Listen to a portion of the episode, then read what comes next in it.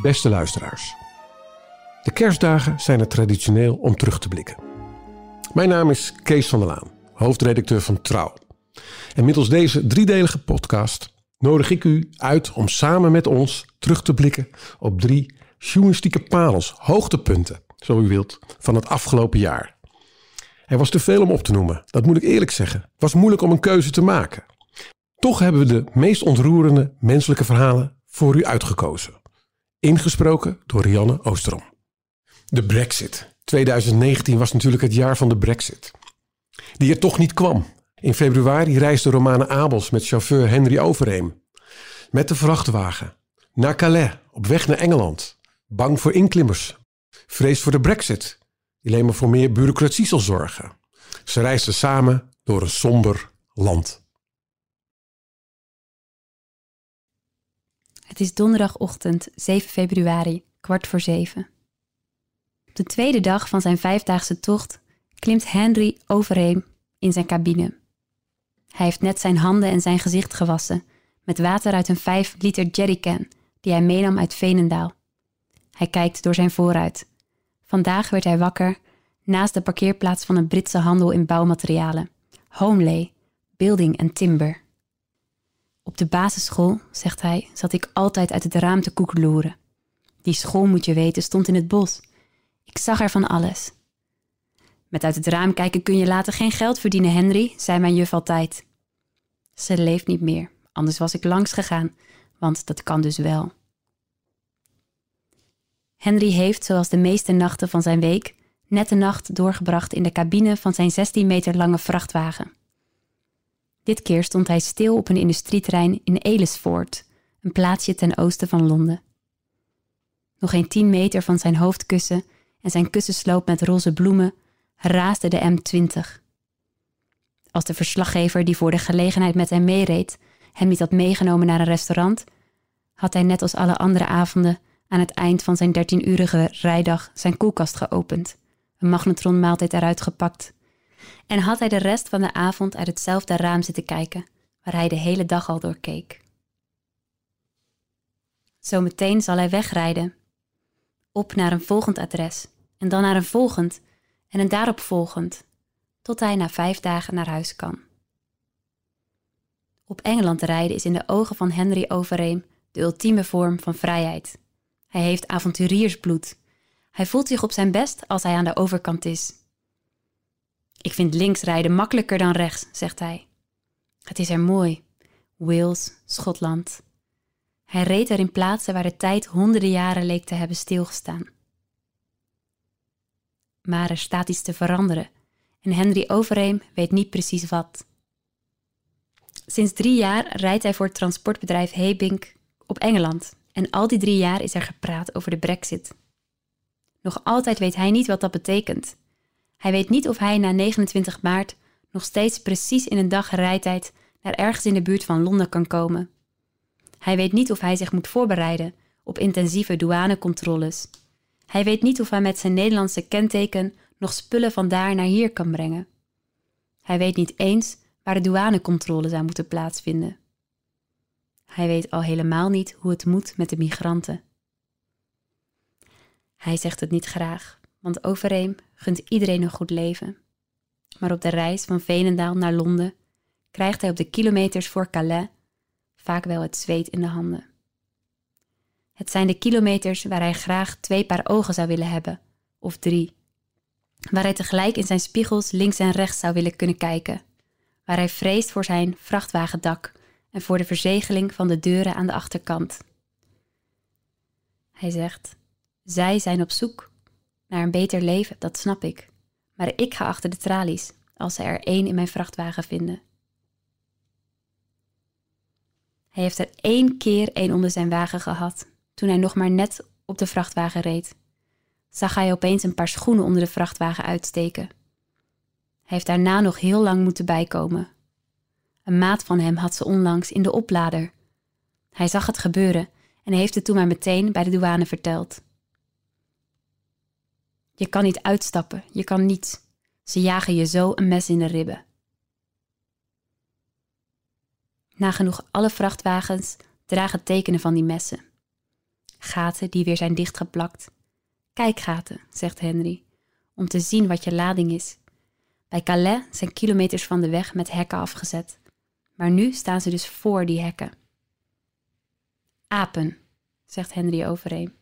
Ze klimmen in je vrachtwagen alsof het een boom is. Het is woensdag 6 februari, 21 minuten over drie. Gisteren waren ze er al bij Duinkerken. Hij moest vaart minderen vanwege de wegwerkzaamheden aan de tussen kale stukken land lopende tweebaansweg richting Calais. De lange rij vrachtwagens op weg naar het Verenigd Koninkrijk reed stapvoets. Meteen dook langs de berm een groepje op. Witte mannen met donkere wenkbrauwen onder zwarte mutsen. Ze dragen allemaal zwart. Broeken, jassen, truien. Albanese, weet overeen. Met drie tegelijk besprongen ze een vrachtwagen voor hem van drie verschillende kanten. Even leken ze beet te hebben, maar toen trok de vrachtwagen op en moesten ze loslaten. Overeen bleef maar in zijn spiegels kijken. Links, rechts, links, rechts. Zelf had hij al in Os zijn deuren verzegeld. De doeken van zijn vrachtwagen zijn gemaakt van met ijzerdraad versterkt plastic. Het scheelt misschien iets. Maar de mensen die op vrachtwagens springen, zijn niet alleen wanhopigen die dolgraag naar de overkant willen. De georganiseerde misdaad heeft zijn tentakels al lang geleden tussen hen vastgezet. Als ze niet mee kunnen, dan gaat het ze wel om de lading. Al lang geleden stopte Henry met slapen bij de tankstations op van die massa vrachtwagenplekken. Het is hem te gevaarlijk. Ze jatten alles, zegt hij. Wij rijden wel eens lege blikjes. Daar moet dan nog deodorant in. Zelfs dat nemen ze mee. Op de politie hoeft hij niet te rekenen. Ja, voor een snelheidscontrole, 30 kilometer voor Calais. Maar op die laatste kilometers, waar het net het Wilde Westen lijkt, waar de parkeerplaatsen zijn afgesloten en de mannen met zwarte capuchons steeds vaker langs de snelweg lopen, telt hij wel geteld één patrouillewagen. Twee agenten tegen tientallen landlopers en duizenden vrachtwagens. Ik zie ze niet als vluchtelingen, zegt Overeem. Niet als mensen die moeten vluchten voor oorlog in hun land. Hij vreest dat hun aantal zal groeien. Overeem is niet de enige. De voorzitter van de Engelse Vereniging van Transporteurs, Richard Burnett, heeft het ook gezegd. Vertragingen bij de haven zullen als een nog grotere magneet werken op diegenen die van plan zijn om de Britse kusten te bereiken. Woensdag 6 februari, even na half vijf. Nu al is een groot deel van de weg naar Calais veranderd in een soort vesting, waar de vrachtwagens in lange rijen tussen de hekken en camera's doorrijden. In zicht van de haven wordt iedere vrachtwagen gecontroleerd met honden. Henry Overeem rijdt op routine het parcours door. Hij stopt waar hij moet, rijdt waar hij kan, in een zee van friemelende vrachtwagens. Ergens wordt zijn vrachtwagen gewogen. Ergens anders moet iedereen uitstappen om speurhonden de kans te geven de auto te onderzoeken op verstekelingen. Een camera kijkt naar het dak, waarin tot Overeems opluchting ook dit keer geen gat zit. Altijd kijkt hij even naar de kentekens van de andere vrachtwagens in zijn tijd heeft hij de Oost-Europeanen de markt op zien komen, met hun lage lonen en hun andere moraal. Platkoppen noemen wij ze, zegt hij, vanwege de vierkante Slavische trekken. Ook hun gunt hij het een graantje mee te pikken, maar wat zou het schelen als een beetje netjes waren opgevoed? Ze flikkeren alles het raam uit en schijten overal, zegt hij. Als je het netjes vraagt, kun je echt overal naar de wc maar zij doen het gewoon achter hun auto. Hij belt een collega die hij in de wachtrij naast hem ziet staan. Hé, hey, wat denk jij van de brexit? Chaos, antwoordt de collega. Woensdag 6 februari, 5 uur. In een dag van een vrachtwagenchauffeur zit veel wachten.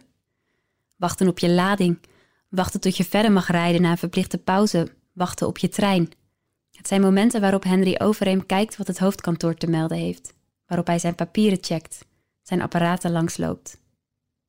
De tachograaf boven hem, die vastlegt hoe lang hij rijdt en stilstaat. Het Belgische tolkastje op zijn dashboard, dat tot ruim 28 euro doortikte voordat hij Frankrijk bereikte, zijn telefoon en de boordcomputer waarmee hij met het hoofdkantoor in Veenendaal communiceert. Het zijn ook de momenten waarop hij zijn leven overdenkt. Een goed leven. 50 is hij, bijna 51. Zijn hele leven rijdt hij al op vrachtwagens. School was niets voor hem, tenminste, niet de school waar hij heen werd gestuurd. Hij had wat graag de agrarische school gedaan, maar dat stond zijn vader niet toe. De technische school die ervoor in de plaats kwam was hem veel te eentonig. Daarna kwam het vrachtwagenbestaan eigenlijk als een uitweg, een mogelijkheid om tegelijk zo vrij als een vogel te zijn en geld te verdienen. Met overuren erbij kom je op een mooie 3000 euro in de maand. Genoeg om een paar keer per jaar op vakantie te gaan of om eens een feestje te geven. Hij had zijn 50ste verjaardag eigenlijk niet willen vieren. Tot in zijn omgeving het noodlot toesloeg. Zijn broer werd ziek, een vriend kreeg een nare diagnose. Plotseling realiseerde hij zich dat hij iedere minuut van het leven moet vieren, omdat het ook zomaar afgelopen kan zijn. Ik zei: Ik huur een kroeg en iedereen mag komen. Ik heb een topavond gehad. Twee dochters heeft hij, Brenda en Daphne, nu vrouwen op de rand van volwassenheid. Daphne volgt de droom die haar vader voor zichzelf had gehad. Zij studeert voor melkveehouder. Brenda aardt meer naar haar moeder. Zij studeert voor kraamverzorgster. Kijk, zegt hij en hij laat foto's zien. Thuis, op vakantie. Ik had toen ik jong was nooit gedacht dat wandelen nog eens mijn hobby zou worden. Maar het is toch gebeurd. Ik vind het hartstikke leuk.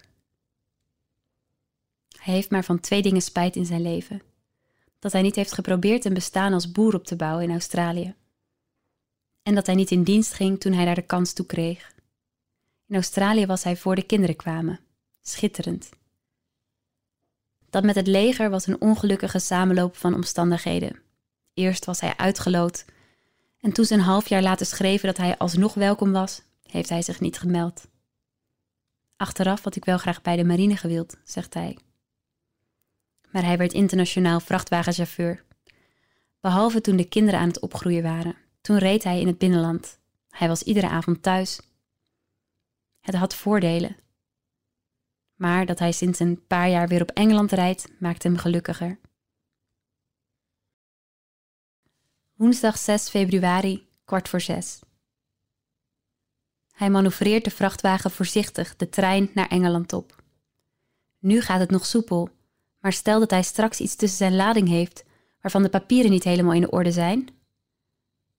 Transport en Logistiek Nederland, zijn vakorganisatie, waarschuwde al voor die situatie. Het lijkt goed geregeld. Niet de vervoerder, maar de klant is verantwoordelijk voor de juiste douanepapieren. Maar stel dat zo'n klant het niet meteen allemaal goed doet, dan is eenmaal teruggestuurd bij de grens de vervoerder wel de pineut de andere kant uit, van het Verenigd Koninkrijk naar het vasteland, zal het evenmin soepel gaan.